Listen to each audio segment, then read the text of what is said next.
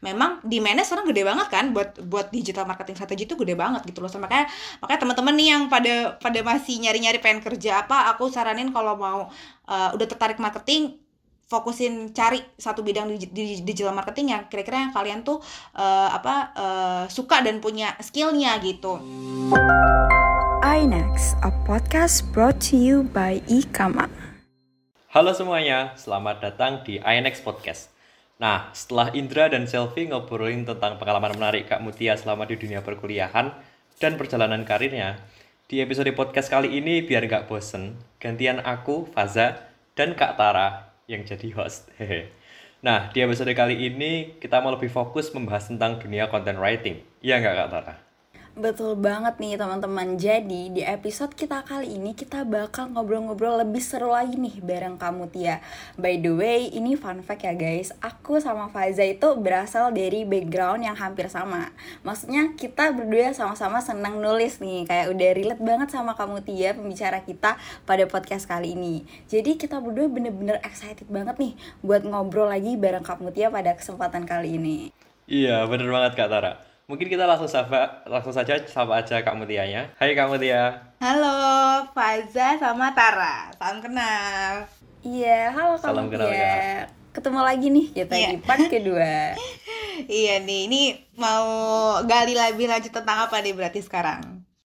Betul, kita mungkin lebih lanjut tentang konten uh, writingnya sama industri kreatifnya ya. Nah, buat temen-temen nih mungkin yang uh, belum tahu atau mungkin ke skip di episode 3 part satunya, jadi mungkin aku bisa review lagi. Jadi kamu Tia ini merupakan seorang content writer dari Ogilvy. Ya, betul nggak kamu Tia? Benar.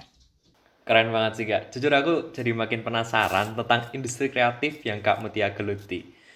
Langsung aja mungkin aku mau nanya nih kak Kak Mutia kan kerja pada salah satu industri kreatif yang cukup besar dan sebenarnya aku juga masih bingung. Ogilvy itu perusahaan yang berfokus pada bidang apa sih Kak? Apakah hampir sama kayak perusahaan media pada umumnya? Oke, jadi um, Ogilvy adalah um, salah satu creative agency yang uh, berpusat di UK sama US, terus uh, dia apa punya banyak uh, cabang gitu istilahnya ya di seluruh dunia salah satunya di Jakarta gitu. Nah uh, di sini kita ngehandle uh, berbagai brand multinational brand walau uh, apa ma maupun yang lokal punya gitu ya brand-brand yang di Indonesia ini uh, untuk ngerjain materi-materi uh, iklannya, advertising gitu ya, uh, uh, brandingnya sampai ke uh, digital marketing juga uh, kita juga ada gitu. Jadi uh, basically semua materi-materi yang kita lihat tentang satu brand dari uh, iklan di TV-nya terus misalnya kalau uh, teman-teman lihat uh, social media website dari satu brand itu yang ngerjain itu adalah uh, creative agency atau advertising agency gitu biasanya nah um, apa sih yang aku kerjain gitu ya secara spesifik nih aku uh, yang aku kerjain tuh adalah bagian kopi atau tulisannya gitu kalau misalnya teman-teman um, apa kalau aku karena aku content writer jadi aku fokusnya di digital. Jadi kalau misalnya teman-teman lihat kayak website itu tulisan-tulisannya itu yang aku kerjain gitu. Uh, misalnya apa tentang produk-produknya atau misalnya kayak um, uh, artikel-artikel di satu um, apa website gitu ya. Itu uh, kalau kalau aku uh, sampai sekarang uh, belum ngerjain artikel-artikel cuman kalau content writer pada umumnya itu juga ada tuh yang ngerjain artikel-artikel artikel-artikel yang panjang gitu ya. Uh, terus kemudian uh, skopnya apalagi misalnya kayak di sosial media gitu ya. Instagram, Facebook, Twitter, terus LinkedIn, uh, LinkedIn brand-brand uh, yang aku kerjain itu uh, postingan-postingannya itu aku yang uh, apa aku yang nulis gitu terus uh, apa aja sih yang apa namanya prosesnya gimana gitu uh, kerjanya gitu ya. Jadi uh, cara kerjanya tuh adalah creative agency ini uh, kita tektokan sama uh, biasanya tuh divisi marketing communications atau divisi uh, brand management gitu ya yang ada di satu yang ada di klien kita gitu. Misalnya kalau kalau aku tuh klien banyak di bidang FMCG terus kemudian startup um, terus kemudian uh, um, apa NGO NGO kayak apa uh, UN United Nations gitu-gitu tuh banyak tuh dikerjain sama uh, apa namanya perusahaanku dan beberapa perusahaan sejenis gitu ya Nah, mereka misalnya punya brief, oke okay, kita punya misalnya mau uh, briefnya itu adalah kita mau produk mau produk launching atau misalnya mau bikin um, apa uh, satu brand anak apa anak anak brand apa sister brand baru gitu misalnya. Nah, itu mereka akan datang untuk ke kita gitu kan mereka uh, mereka kasih uh, briefnya objektifnya seperti itu gitu kan. Terus uh, dari situlah nanti kita akan kemudian kita akan uh, tektokan sama perusahaan market research gitu ya kayak seperti Kantar atau Nielsen gitu untuk dapetin data-data datanya data-data tentang uh, apa konsumennya tentang kompetitornya gitu kan. Kemudian tim strategic planning kita uh, pelajari uh, apa hasil-hasil datanya data data-data itu gimana. Terus disampaikanlah ke tim aku aku masuk ke tim kreatif. Nah ini tim kreatif nih istilahnya kayak jantungnya gitu. Tim tim jantungnya perusahaan agency apa kreatif agency itu ini jantungnya gitu. Nah di situlah uh, apa namanya kita ngegodok uh, apa kreatif uh, strateginya seperti apa gitu ya. Dari message yang mau kita sampaikan secara garis besar tuh gimana ke gimana ke audiens gitu kan. Terus kita uh, apa namanya uh, bikin strateginya. Dari awal kita mau bikin uh, iklan TV-nya terus kemudian mau bikin uh, istilahnya itu kalau di marketing kita bilang uh, on ground on ground marketing. Jadi offline gitu ya yang bisa teman-teman lihat kayak ada banner lihat kalau misalnya kayak lagi ada di kereta di apa di kereta itu uh, ada apa banner-banner yang ada di atas baliho-baliho gitu ya. Atau misalnya kayak uh, mungkin enggak baliho ya banner lah kita ngomongnya. Terus kemudian iklan iklan-iklan di radio gitu. Itu yang itu yang on ground terus kemudian yang online nih yang online kita mau bikin uh, apa di TikTok atau misalnya di di di uh, Instagram uh, website segala macam uh, paid ads juga gitu ya iklan-iklan yang berbayar gitu kan. Kita bikin strateginya semua sampai uh, kita mas apa presentasi ke klien kalau udah oke. Okay, nah habis itu kemudian kita lanjut untuk bikin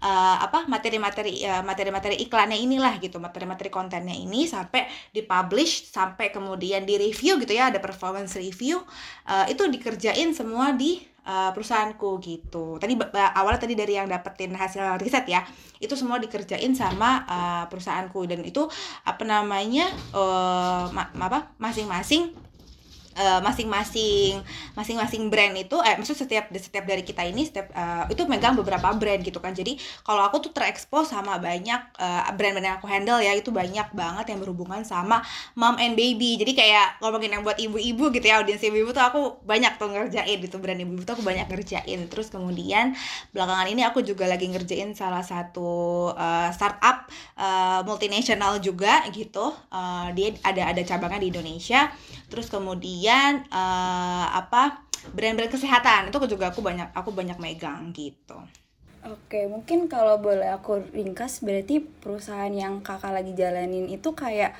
perusahaan jasa ya kak? Yes. Kayak perusahaan jasa yang ngebantu perusahaan lain buat ngeiklanin uh, produknya gitu ya kak? Yes, benar-benar banget, benar banget. Mungkin kalau kita kasih perbanding apa model uh, cara kerjanya gitu ya, kayak consulting dan KAP kalau di kalau di akuntansi gitu. Oh. Kalau consulting itu kan uh, bisnis konsult manajemen konsultan itu kan dia yang bikin strategi bisnis secara keseluruhan kan biasanya dia dari segi hmm. finance-nya, uh, kemudian segi operations dan uh, apa atau human uh, people people or people manajemennya gitu kan. Nah, uh, apa memang satu yang gak di satu yang nggak banyak dikerjain sama manajemen konsultan itu uh, itu adalah marketing karena marketing ini udah banyak dikerja apa uh, ranah itu ranahnya kreatif agency kayak perusahaan aku ini. Nah makanya memang agak beririsan gitu.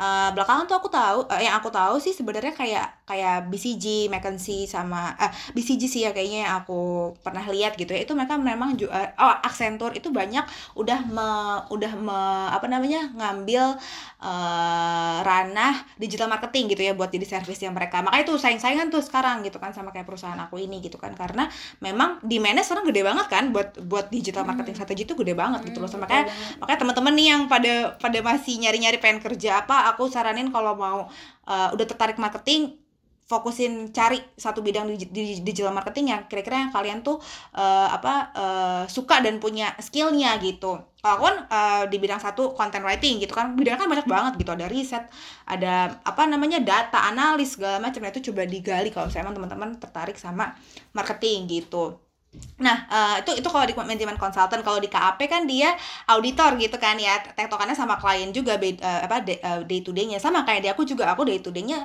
tektokannya sama klien. Uh, udah aku bikin nanti akan di present ke klien kalau oke okay, uh, publish kalau misalnya belum revisi. Kayak gitu gitulah model model uh, cara kerja sama memang perusahaan jasa gitu. Hmm, oke okay, oke. Okay. Oke, okay, Kak. Oh, keren banget kak. Tapi cukup meskipun cukup kompleks tapi ya semoga aku sama teman-teman pendengar juga udah lumayan paham tentang big picture-nya di creative agency itu seperti apa. Tapi kan tadi kak Mutia sempat nyinggung tentang content writing sama copywriting.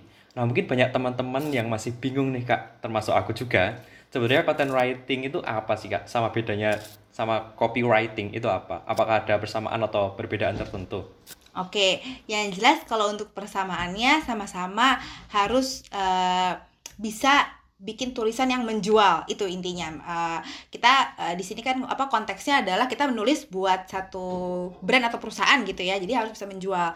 Nah apa bedanya? Kalau untuk copywriting itu yang uh, tulisannya itu lebih singkat gitu. Kalau misalnya kayak kita lihat apa um, kalau kita lagi buka satu aplikasi misalnya kita buka aplikasi Gojek gitu misalnya kan itu ada tuh banner-bannernya yang oke okay, apa hari ini lagi ada diskon apa gitu misalnya atau ada lagi ada promo-promo apa gitu ya. Tulisan-tulisan yang singkat-singkat itu itu adalah bentuk copywriting.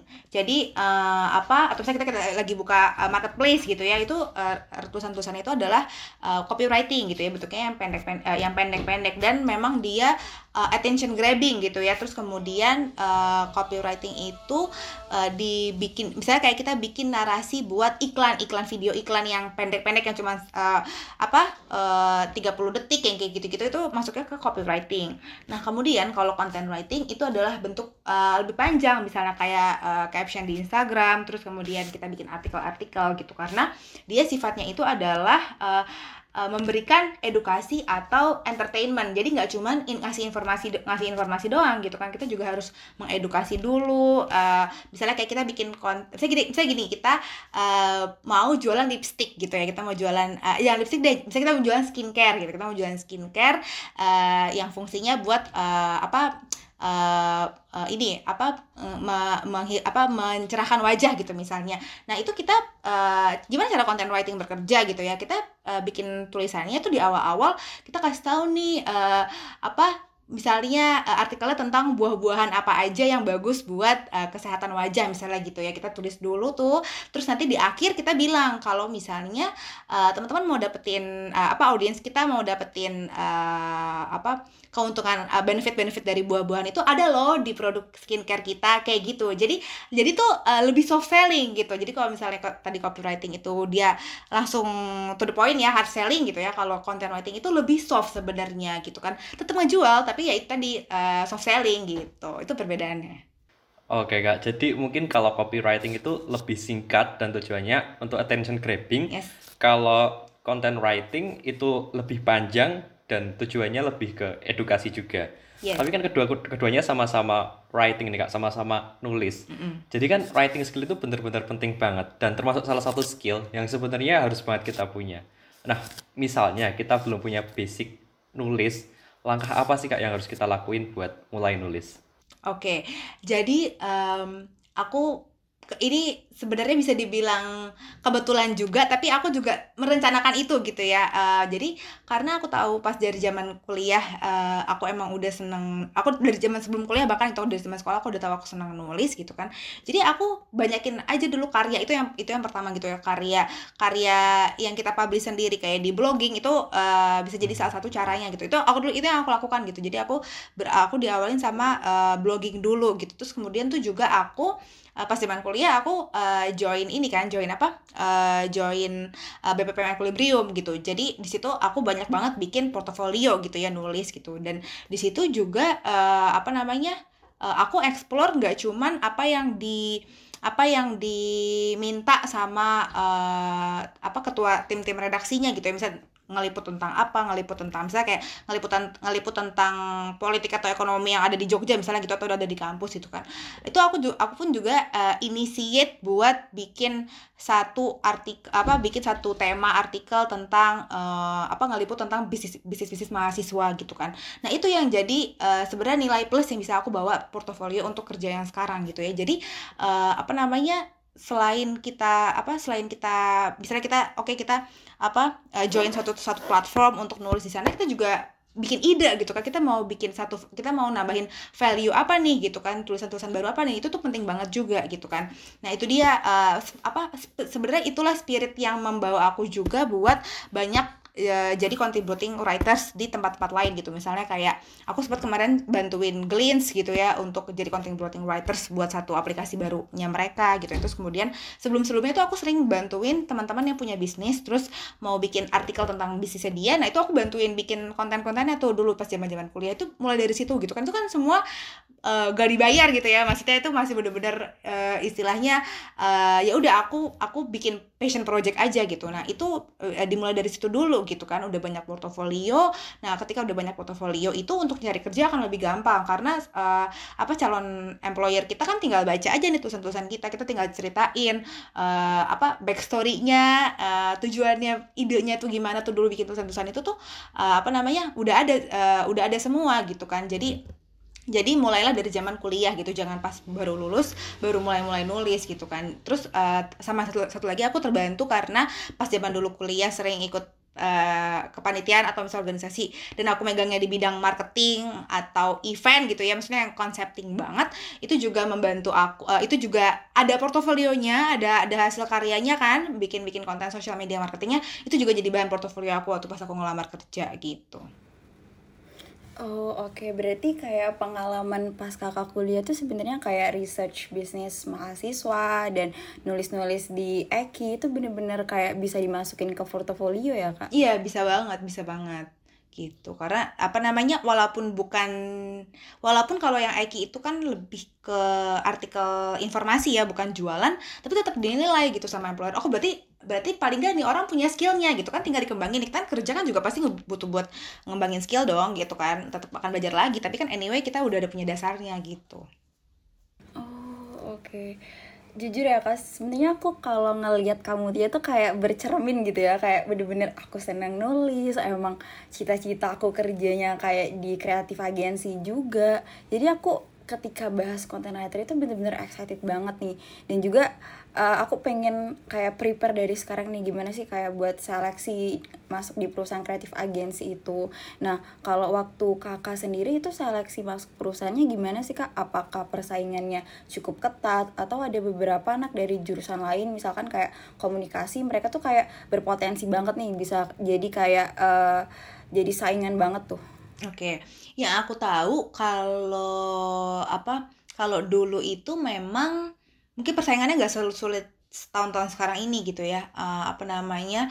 Uh, karena dulu mungkin yang tahu tentang creative agency anak-anak komunikasi sama anak-anak desain aja biasanya anak-anak DKV gitu yang tahu. Nah sekarang anak-anak yang jurusan uh, bis apa uh, FE, eh, fakultas ekonomi gitu atau misalnya fakultas lain juga banyak yang tertarik di bidang ini kan gitu. Jadi uh, yang pasti aku bisa bilang persaingannya pasti uh, tinggi apa makin tinggi nih sekarang. Cuman sebenarnya vacancy-nya juga makin banyak sebenarnya karena sekarang sekarang gak cuma perusahaan kayak aku perusahaan-perusahaan startup bahkan beberapa uh, apa perusahaan-perusahaan kayak misalnya kayak FMCG atau misalnya telkom, telekomunikasi gitu ya itu mereka bahkan uh, bahkan dari mereka tuh uh, beberapa dari mereka itu punya in-house agency. Jadi uh, in-house agency itu apa gitu? In-house agency itu adalah creative agency yang dimiliki sama satu perusahaan tertentu. Dia kerja cuma buat perusahaan itu doang gitu biasanya. Itu yang kayak gitu tuh yang punya Gojek. Gojek tuh Gojek tuh punya creative hmm. labs tauku. Creative uh, creative labs tuh in-house yang mereka gitu. Creative in-house yang mereka. Jadi uh, bisa juga tuh kerja buat mereka. Jadi uh, apa namanya hal yang hal hal yang pertama perlu diketahui adalah uh, walaupun persaingannya tinggi tinggi tapi uh, ininya juga apa namanya uh, lowongannya sekarang juga udah banyak gitu. Nah tinggal gimana caranya kita bisa ngejual diri ya nggak sih? Ya itu hmm, adalah dengan ya, ya itu adalah dengan uh, fokus di satu fokus di satu isu atau satu satu uh, gaya tulisan yang kamu suka yang kamu bisa dan kamu suka gitu kan. Kalau aku kayak kalau aku tuh dulu memang uh, dari sampai sekarang sebenarnya itu uh, aku fokusnya di tulisan yang uh, buat perempuan gitu ya. Kayak aku tuh sebenarnya tipe tulisan aku tuh aslinya kayak majalah-majalah cewek. Kalau misalnya tahu dulu ada kayak majalah gadis gitu-gitu ya. Itu tuh adalah uh, gaya tulisan aku tuh kayak gitu gitu gaya tulisan aku. Nah itu yang aku dulu jual ke uh, apa namanya ke Ogilvy pas aku mau pas aku apply kerja gitu ya. Nah kebetulan Eh, brand-brand yang mau dikasih ke aku itu memang brand-brand buat perempuan. Makanya cocok gitu kan ketemu gitu kan hmm. antara portofolio aku sama brand-brand yang mau aku kerjain gitu. Jadi dan aku pun banyak belakangan ini uh, apa beberapa uh, perusahaan gitu ya yang ber, aku lihat dia fokus emang nyari uh, content writer di bidang beauty misalnya gitu, content writer di bidang kesehatan atau misalnya content writer di bidang fine uh, banking gitu ya apa uh, finance gitu.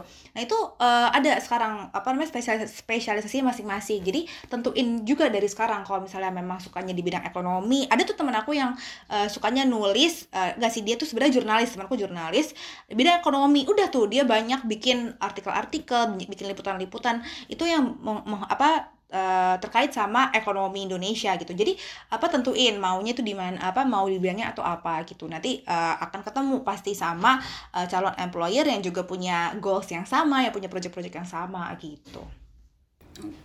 Eh tapi aku mau nanya deh Kak, misalkan kan kalau misal kita uh, klien kita itu ngasih produknya skincare. Mm. Berarti kita harus buat kata-kata yang menjual buat produk skincare ini kan. Mm. Nah, tapi kan sebenarnya kalau uh, seorang writer tuh ya Kak, seorang penulis berarti kan insight dan pengetahuan dia tuh kan berarti harus benar-benar luas ya Kak. Mm. Jadi kayak sebelum nulis kita harus research dulu berarti ya Kak. Yes, benar banget, benar banget. Jadi uh, apa yang apa, apa, proses yang apa sih proses yang yang aku lakukan gitu ya sebelum nulis? Yang pertama itu adalah aku memahami dulu isi briefnya dari klien. Klien tuh pengen objektifnya apa sih? Apakah untuk meningkatkan penjualan? Apakah untuk meningkatkan awareness? Itu beda loh cara cara approachnya beda. Nah uh, itu yang pertama gitu kan tahu dulu uh, dalamin itu. Terus kemudian kita baca materi-materi. Aku baca materi-materi dari uh, tim strategic planner. Jadi uh, kalau di kantorku tuh ada uh, namanya tim strategic planning yang dia mengolah insight-insight data-data gitu ya. Hasil-hasil temuannya apa? Misalnya gini kayak uh, hasil social listening dari Twitter. Di Twitter tuh orang-orang tuh ngomongin tentang uh, skincare ini tuh kayak gimana sih? Atau misalnya skincare yang lagi hits tuh apa sih? Itu itu ada datanya semua. Itu aku baca satu-satu. Atau kalau misalnya pun nggak dapet dari situ, aku cari sendiri. Jadi aku buka Twitter, buka Instagram, buka LinkedIn gitu ya, buka searching semua di situ, cari obrolan-obrolan itu apa gitu. Jadi uh, apa namanya? Uh, dari bahan-bahan itulah aku bisa nulis gitu kan. Uh, terus kemudian aku baca-baca dari sosial media itu terus kemudian uh, bisa gini kalau yang lagi aku bahas kontennya tuh berkaitan sama film gitu misalnya lagi hits tuh sekarang film apa? Misalnya kayak kemarin Squid Game gitu ya. Itu aku sampai nonton juga. Jadi aku tuh kemarin nonton Squid Game bukan karena lagi hits eh bukan karena lagi bukan karena hits orang-orang pada ngomongin gitu. Karena tapi karena buat kebutuhan kerjaan gitu. Jadi jadi itu penting banget tuh penting banget buat tahu hmm. tren gitu ya penting banget buat tahu tren. Dan apa namanya uh, kalau uh, kalau mau mau tahu cari cara cepat ya misalnya aduh nggak sempet deh mau nonton gitu ya. Itu aku bacain artikel-artikel tentang Squid Game gitu. Misal uh, apa uh, alternatifnya gitu aku bacain artikel-artikel tentang film itu gitu. Jadi apa namanya uh, itu cara-cara risetnya gitu. Dan kemudian um, yang terakhir adalah banyak juga ngobrol sama uh, teman-teman kerja sama teman-teman apa teman-teman aku yang di luar kerjaan pun gitu aku juga banyak diskus sama mereka. Jadi buat tahu insight-insightnya apalagi kalau misalnya kayak skincare kan teman kita pas teman-teman kita pasti juga banyak yang pakai skincare gitu kan. Mm-hmm. jadi aku tinggal tanya aja sama mereka misalnya oh uh, skincare-nya emang yang mau dikerjain nih misalnya buat yang kulit berminyak. Nah aku banyak tuh ngobrol sama teman-teman yang sama-sama kulit berminyak gitu ya apa aja sih masalahnya mereka?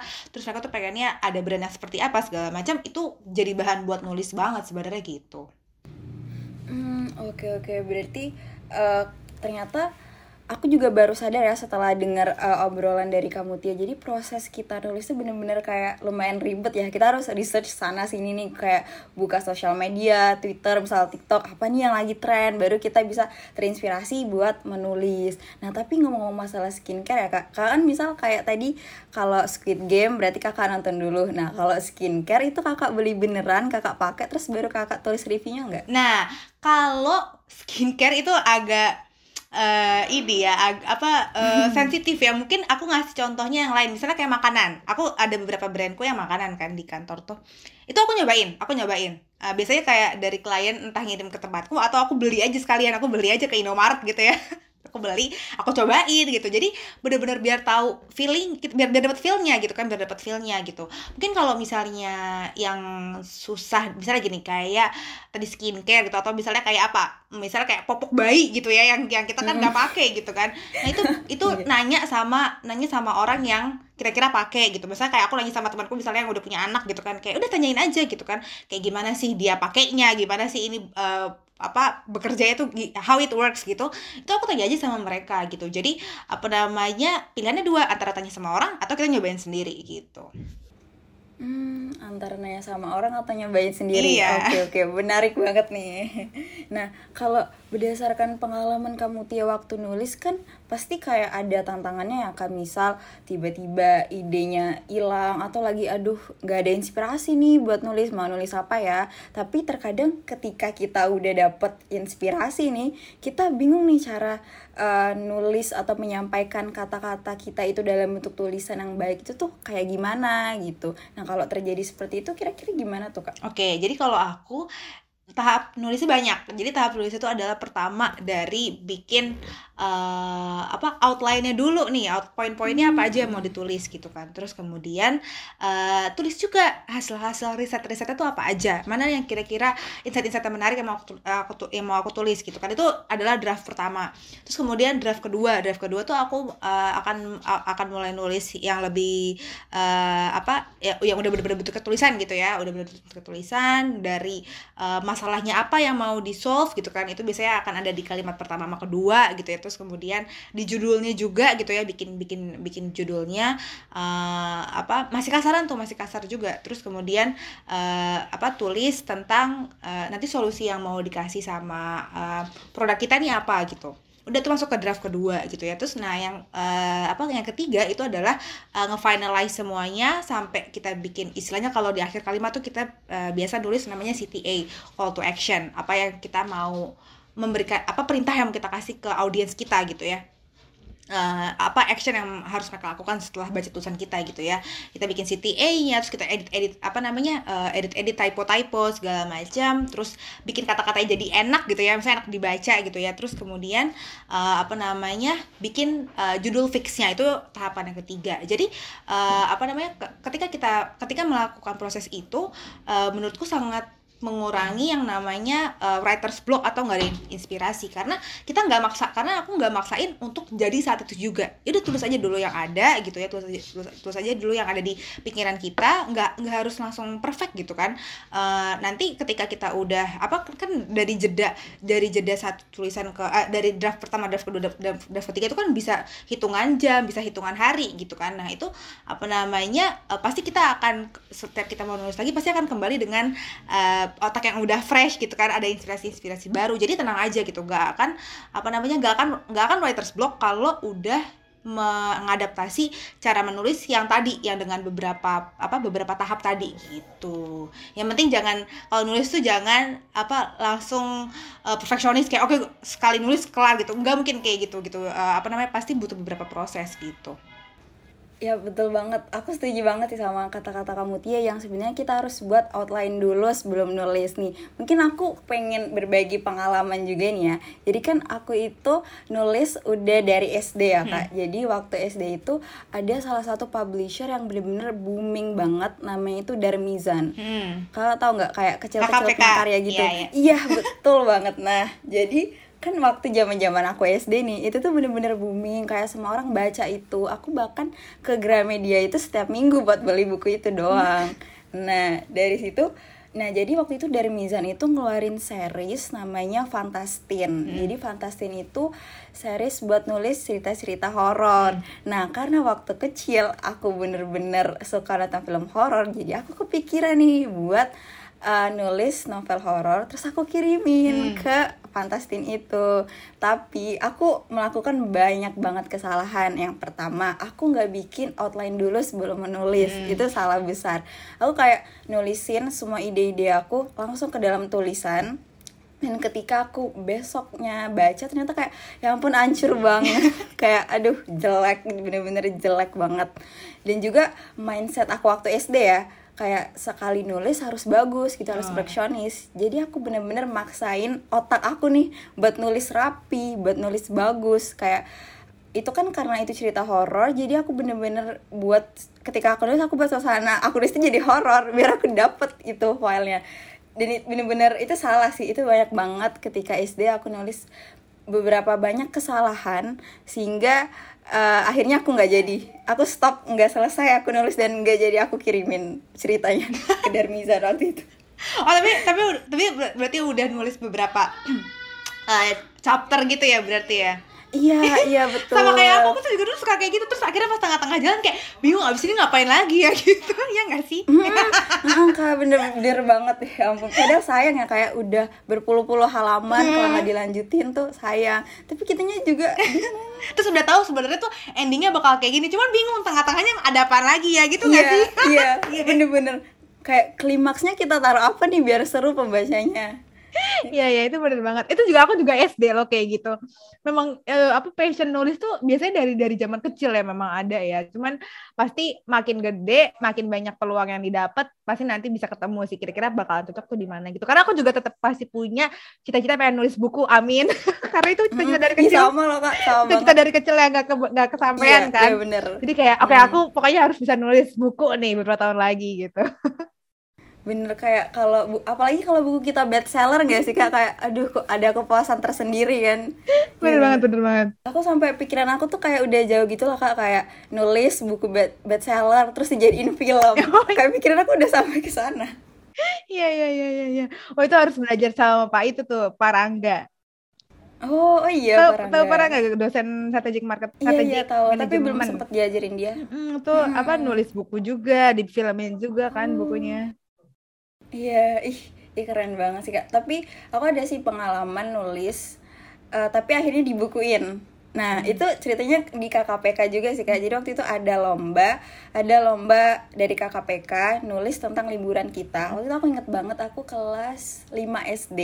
Jadi itu kan eh, sal- salah satu persyaratannya kita harus nyeritain cerita nyata gitu, cerita asli kita. Jadi waktu itu aku masih kecil, aku bingung kan temanya itu nulis tentang liburan kita. Jadi aku bingung liburan apa ya yang menarik buat ditulis. Nah eh, akhirnya aku inget waktu itu aku pernah ke Kidzania nih. Anak-anak kecil kan pasti pada happy nih kalau dibawa ke Kidzania. Jadi akhirnya aku tulis tuh cerita aku di Kidzania. Kayak aku jadi polisi, aku jadi pemadam kebakaran. Dan akhirnya eh, lolos. Aku tuh kayak menang di di perlombaan nulis cerpen itu. Akhirnya dibukuin terus dapat eh, dapat uang juga terus bukunya benar-benar diterbitin. Dan kayak waktu SD bener-bener senang banget tuh kayak buku diterbitin terus di bukunya ada nama kita ada foto kita apalagi buat zaman-zaman SD kayak KKPK tuh bener-bener booming Iya. kayak terkenal banget kan kak Iya iya iya. Iya. Itu dari zamanku tuh juga tuh. Eh berarti kita udah lumayan lumayan jauh nih padahal ya eh, rentang umur tapi masih sama berarti trennya. Oh berarti KKPK itu uh, boomingnya cukup lama Iya ya? udah lama. Zaman kalau aku zaman kalau zaman aku tuh sama ini. Eh tahu gak sih kalau majalah Bobo tuh bikin Hmm, tahu, cer- kumpulan cerpen juga. Nah, itu juga aku bacanya kayak gitu tuh. Oh iya. Mm-mm. Itu aku dulu baca itu juga tuh, koleksi bukunya.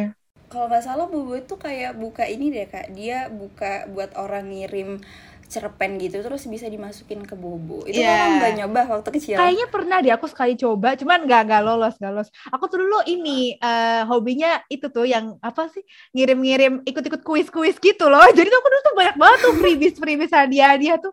Ya Allah aku kalau eh, dari zaman ke SD sampai SMA tuh eh, ininya hobinya langganan majalah terus ikut-ikutan itu ikut-ikutan kuis-kuis itu dapat boneka, dapat Hmm. apa gitu. oh iya iya, bener-bener aku inget tuh. Apalagi Bobo ya kayak tiap Kuis minggu ya. hunter, kuis hunter. iya, tiap minggu bener. Tiap hari Kamis. Iya, iya keren banget. Gitu. Nah mungkin eh, teman-teman di sini pas lagi dengar podcast juga mungkin mereka mulai tertarik nih kayak sama content writer.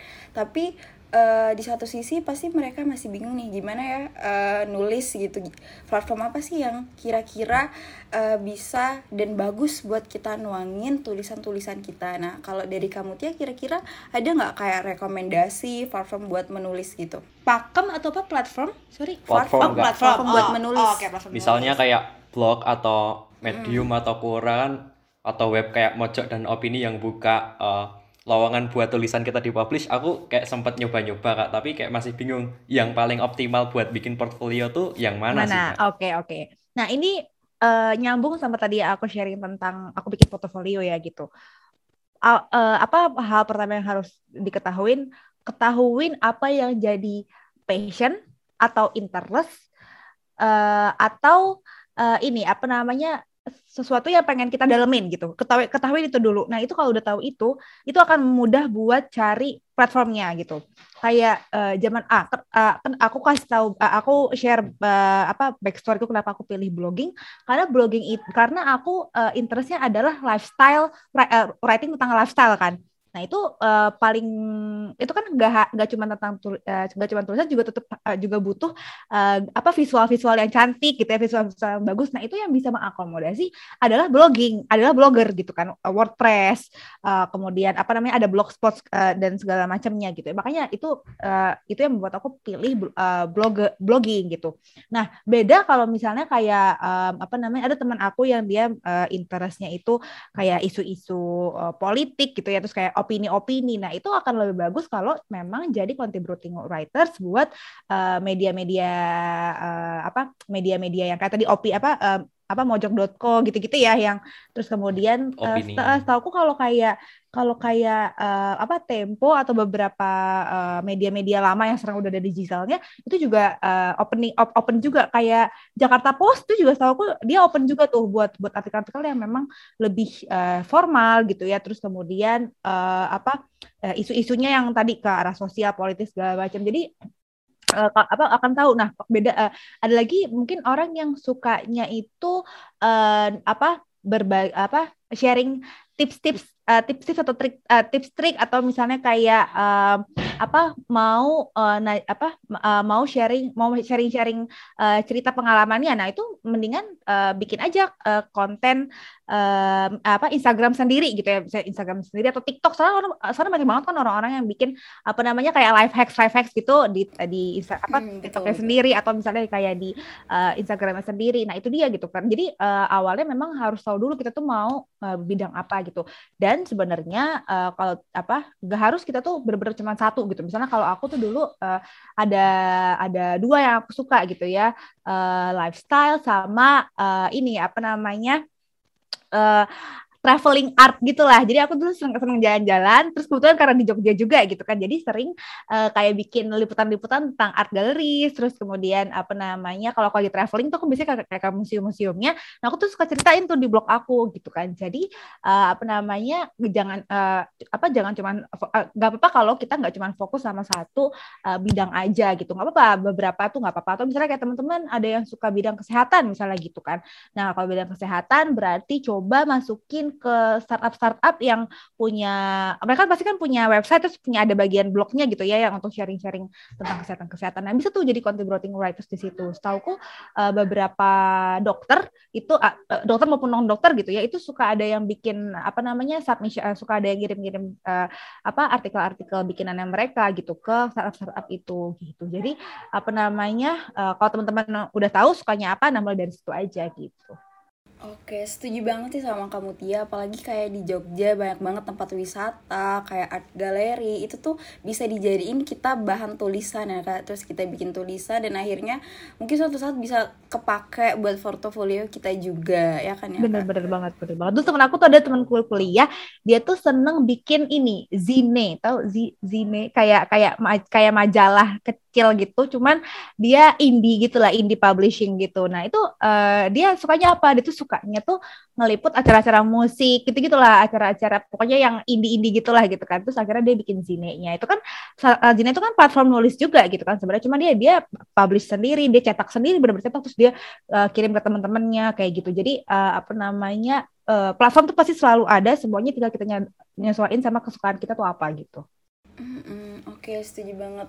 Eh, by the way, yang apa Zindi tadi itu punya dia ya kak? Kayak itu tuh brandnya dia atau gimana? Iya dia bikin sendiri, dia dia Oh. dia, iya dia publish sendiri juga gitu. Hmm, oke. oh, keren Anak-anak manajemen juga kok ada teman aku tuh. berarti. Oh, keren keren keren inisiatifnya tinggi banget ya berarti. Iya iya jadi emang kuliah tuh apa aja dieksplor lah. Bagi kalau di Jogja. Hmm, betul betul. Berarti kayak kita harus nyoba banyak hal ya kak. Kita harus kreativitas kita juga harus makin tinggi nih. Kita harus buat buat yang hal-hal baru gitu ya kak. Keren keren. Nah uh, ngomongin masalah content writing nih ya kak dan industri kreatif juga. Uh, menurut kamu Tia sendiri, apakah pekerjaan content writer ini ke depannya bakal tetap demanded? Oke, okay. uh, kalau kita ngomongin tentang konten secara keseluruhan, udah pasti banget karena uh, platformnya apa apa pun platformnya nanti udah bukan Instagram lagi itu bukan TikTok lagi segala macam orang pasti bakal tetap jualan kan. Brand tuh tetap akan terus ada ya nggak sih? Orang itu tetap ada. Jadi skill dasarnya pasti akan selalu dibutuhin. Nah apa yang berubah? Yang berubah adalah uh, uh, ininya apa namanya uh, jenis atau lingkup kerjaannya aja gitu. Misalnya kayak mungkin sekarang uh, content writer biar content writer pada um, uh, content writer ya udah content writer aja. Nah kan uh, sekarang udah banyak tuh sekarang yang dia fokusnya uh, apa nama role kerjanya SEO content writer. Jadi jadi uh, apa dia harus pakai metode uh, SEO yang tadi aku bilang di awal gitu kan uh, search engine optimization harus menguasai itu juga. Nah paling yang berubah itu gitu kan. Jadi uh, apa yang pasti uh, di di mana akan akan terus tinggi tapi skill dan ilmu yang dibutuhin akan semakin dalam juga gitu. Itu ya gitu ya. Dan pasti makan makin kompleks nanti uh, ketika apa teknologinya makin kompleks pasti kan uh, ilmu yang apa pasti uh, teknik penulisnya juga akan lebih kompleks lagi gitu kan. Jadi uh, itu sih yang apa pandanganku gitu ya tentang industri ini gitu.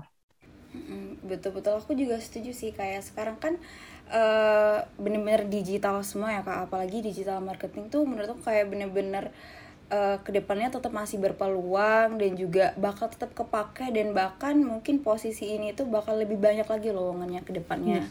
Bener bener banget bener banget. Uh, by the way ini kayaknya kita udah ngobrol bareng kamu tuh udah panjang banget kayak nggak kerasa nih tiba-tiba udah eh udah lama aja nih kita ngobrol kayak bener-bener seru banget ya Zah. Iya Kak Tara, jujur podcast kali ini bener-bener berbeda sih dari podcast sebelumnya aku jadi lebih paham lagi gimana cara mulai nulis dengan baik dan aku jadi tahu betapa pentingnya punya writing skill dari sekarang. Karena aku juga anak Eki nih yang bergelut di dunia jurnalistik, tentunya habis ngobrol bareng Kak Mutia, aku jadi lebih semangat banget nih buat nge-publish tulisan-tulisan aku. Semoga suatu saat aku bisa jadi kayak Kak Mutia deh. Amin. Amin. Amin. Sama aku juga pengen banget kayak Kak Mutia, kayak dulu tuh uh, sebenarnya setelah aku dari SD ya aku tuh kayak udah nggak semangat lagi buat nulis tapi setelah hmm. ngobrol-ngobrol hmm. lagi hari ini bareng kamu tuh aku kayak oke okay, mungkin nulis sama dunia aku gimana kalau mulai lagi gitu mulai dari nol lagi siapa tahu bener-bener bisa kerja di kreatif agensi terus bisa bertemu banyak orang dan mungkin bisa bikin konten-konten yang sebenarnya lebih menarik lagi yes betul okay. jadi harus terus eh, harus harus semangat buat explore Hmm, betul Bang harus buat, buat explore, buat nyoba banyak hal biar kita dapat pengalaman yang lebih baru lagi. Oke, dan juga uh, kita mau terima kasih banyak juga sama kamu Tia atas waktunya dan sudah berbagi kisah-kisah menarik kepada teman-teman semua pada podcast episode kali ini. Mungkin kalau kalian yang lagi dengar masih pengen tahu nih lebih banyak tentang kamu Tia, mungkin bisa langsung kunjungi Instagramnya aja ya. Di manakah Instagramnya? Instagram aku di @mutiaazura, uh, Mama Eko Ultra Tango uh, Indian Alpha Double Z Zebra Zebra Eko Ultra uh, Tango Alpha. Oke. Oke, oke. Atau bisa connecting juga di LinkedIn boleh cari Mutia Azura. Oke, boleh banget tuh teman-teman kalau mau connect sama kamu Tia langsung uh, langsung cari aja LinkedIn-nya Mutia Azura. Aku mungkin boleh tambahin info sedikit nih kalau misalnya ada teman-teman uh, manajemen yang pengen uh, mentoring terkait sama uh, content writing atau misalnya tentang interpersonal skill, aku uh, di tahun depan akan banyak uh, project-project mentoring juga uh, mulai bulan Januari itu uh, akan aku apa share di Instagram aku. Entah kalau bisa teman-teman pengen apa ikutan lebih lanjut bisa uh, dapetin infonya dari Instagram atau LinkedIn aku nanti akan aku share gitu. Uh, nanti akan langsung sama aku juga gitu untuk uh, benar-benar uh, starting apa yang teman-teman interest gitu ya. Uh, terus kemudian belajar nulis proses nulisnya itu uh, akan aku bantuin nanti di program-program mentoring gitu. Jadi nanti uh, apa emang akan ada beberapa aku kerja sama sama beberapa organisasi gitu buat bikin buat bikin mentoring ini gitu. Oke, buat yang tertarik. keren banget. Tuh udah di spill kamu Tia teman-teman. Jadi pantengin aja Instagram sama linknya kamu Tia. Kapan lagi kita bisa uh, dapat mentoring langsung nih eksklusif dari kamu Tia, content writer dari Ogilvy. Oke, makasih juga untuk eh, udah ngundang. Aku seneng banget nih jadi apa? Jadi sekalian eh throwback juga mah zaman-zaman kuliah gitu ya sama sama teman-teman dan semoga kita bisa ketemu langsung ya di di di kampus FEB UGM. Aduh, aduh kangen Amin, banget soalnya. Enggak, amin. gitu. Oke, itu kalau dari aku sih udah kayak gitu aja. Oke, Kak. Dan ditambah lagi buat teman-teman kalau ada kritik dan saran atau rekomendasi speaker podcast yang pengen kalian request, boleh banget nih message Instagramnya Ikama di @ikamafebugm atau mungkin DM ke Instagramnya kita juga boleh kali ya @nattara dan @nayotamafaza. Iya betul banget Mungkin segitu dulu nih buat podcast episode 3 part 2 kita dari iNext kali ini Semoga bisa bermanfaat banget buat teman-teman semua yang dengar Dan jangan lupa buat tungguin episode selanjutnya ya Karena iNext adalah Ikama Dan dengan Ikama, we share to inspire. inspire Dadah. Dadah Dadah semuanya. Thank you teman-teman.